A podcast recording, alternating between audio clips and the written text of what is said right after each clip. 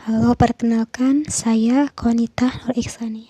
Saya merupakan peserta Latsar CPNS 2021 angkatan 67 kelompok 1. Saya akan menceritakan pengalaman pembelajaran dari pembahasan yang telah dipaparkan oleh Bapak Joko Suwarso tentang wawasan kebangsaan dan nilai-nilai bela negara. Dari pembelajaran tersebut, saya menjadi faham makna dari wawasan kebangsaan yaitu cara pandang kita terhadap diri kita sebagai bangsa Indonesia dan memandang Indonesia itu sendiri dalam kehidupan berbangsa dan bernegara.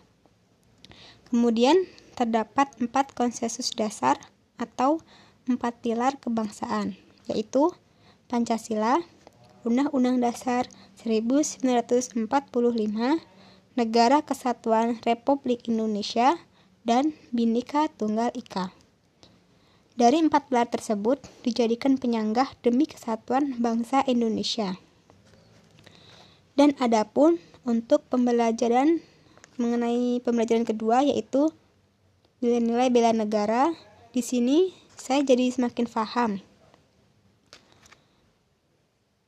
apa itu makna dari bela negara, semakin mengetahui dan mencintai profesi saya, yaitu sebagai asisten penata anestesi ataupun profesi di bidang kesehatan.